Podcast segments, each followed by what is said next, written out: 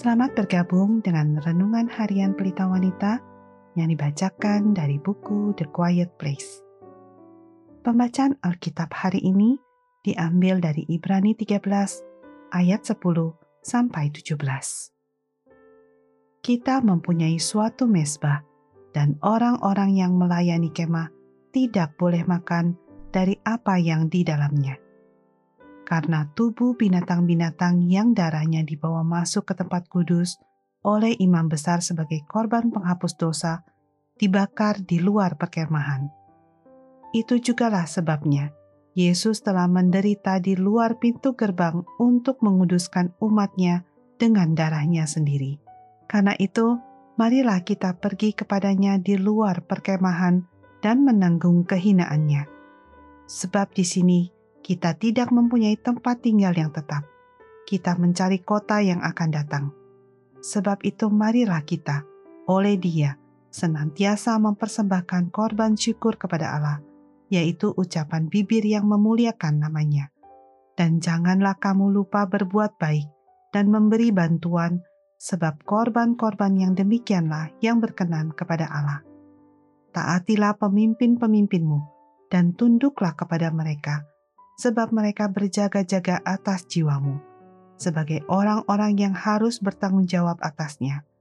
Dengan jalan itu, mereka akan melakukannya dengan gembira, bukan dengan keluh kesah, sebab hal itu tidak akan membawa keuntungan bagimu.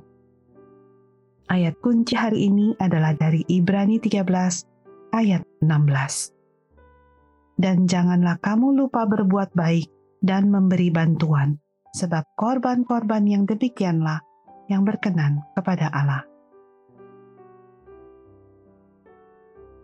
Tidak ada pengorbanan yang terlalu besar. Panggilan Allah untuk menyerahkan hidup kita di atas mesbah pengorbanan artinya kita memberikan seluruh diri kita sepenuhnya kepadanya.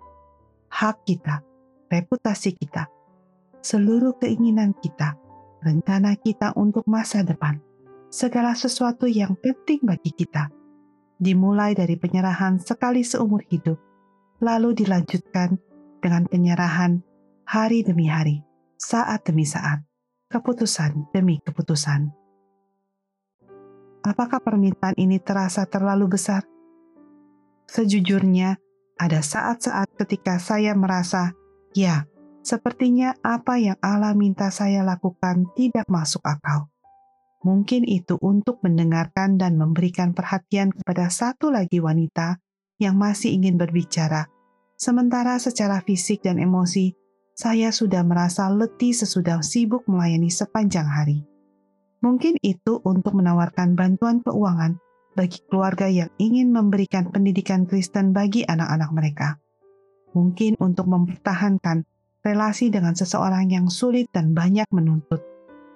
Mungkin juga untuk terus melanjutkan belajar setiap malam dan setiap akhir pekan, sementara orang lain menikmati waktu bersama keluarga mereka. Pada saat seperti itu, terkadang emosi saya menjerit. Saya telah memberi begitu banyak. Saya tidak bisa memberi lebih banyak lagi. Tetapi itulah saatnya saya harus menghampiri Kalvari dan memandang mata Kristus yang sedang berdarah, yang rela memberikan segalanya untuk mendamaikan saya dengan dirinya. Dari sudut pandang ini, segala pengorbanan yang saya lakukan menjadi ibadah yang sejati. Roma 12 ayat 1. Dalam terjemahan KJV dituliskan, reasonable service.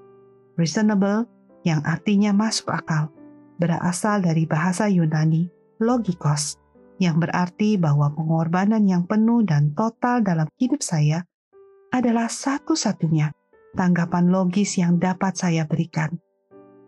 Allah meminta kita untuk mempersembahkan hidup dan situasi sehari-hari kita sebagai persembahan yang hidup, yang menandakan pengabdian dan penyerahan kita yang tulus sepenuh hati kepada Dia, satu-satunya yang mengorbankan nyawanya untuk kita apakah kita hanya mempersembahkan kepada juru selamat kita pemberian sekedarnya dan waktu luang akhir pekan, atau segenap diri kita dan segala yang kita miliki. Sebagai penutup, mari kita renungkan pertanyaan ini. Kapan terakhir kali Anda merasa Allah menuntun Anda untuk melakukan sesuatu yang kelihatannya tidak masuk akal menurut pikiran manusia? Bagaimana pengorbanan Kristus di kayu salib mempengaruhi pandangan Anda terhadap apa yang Dia minta dari diri Anda?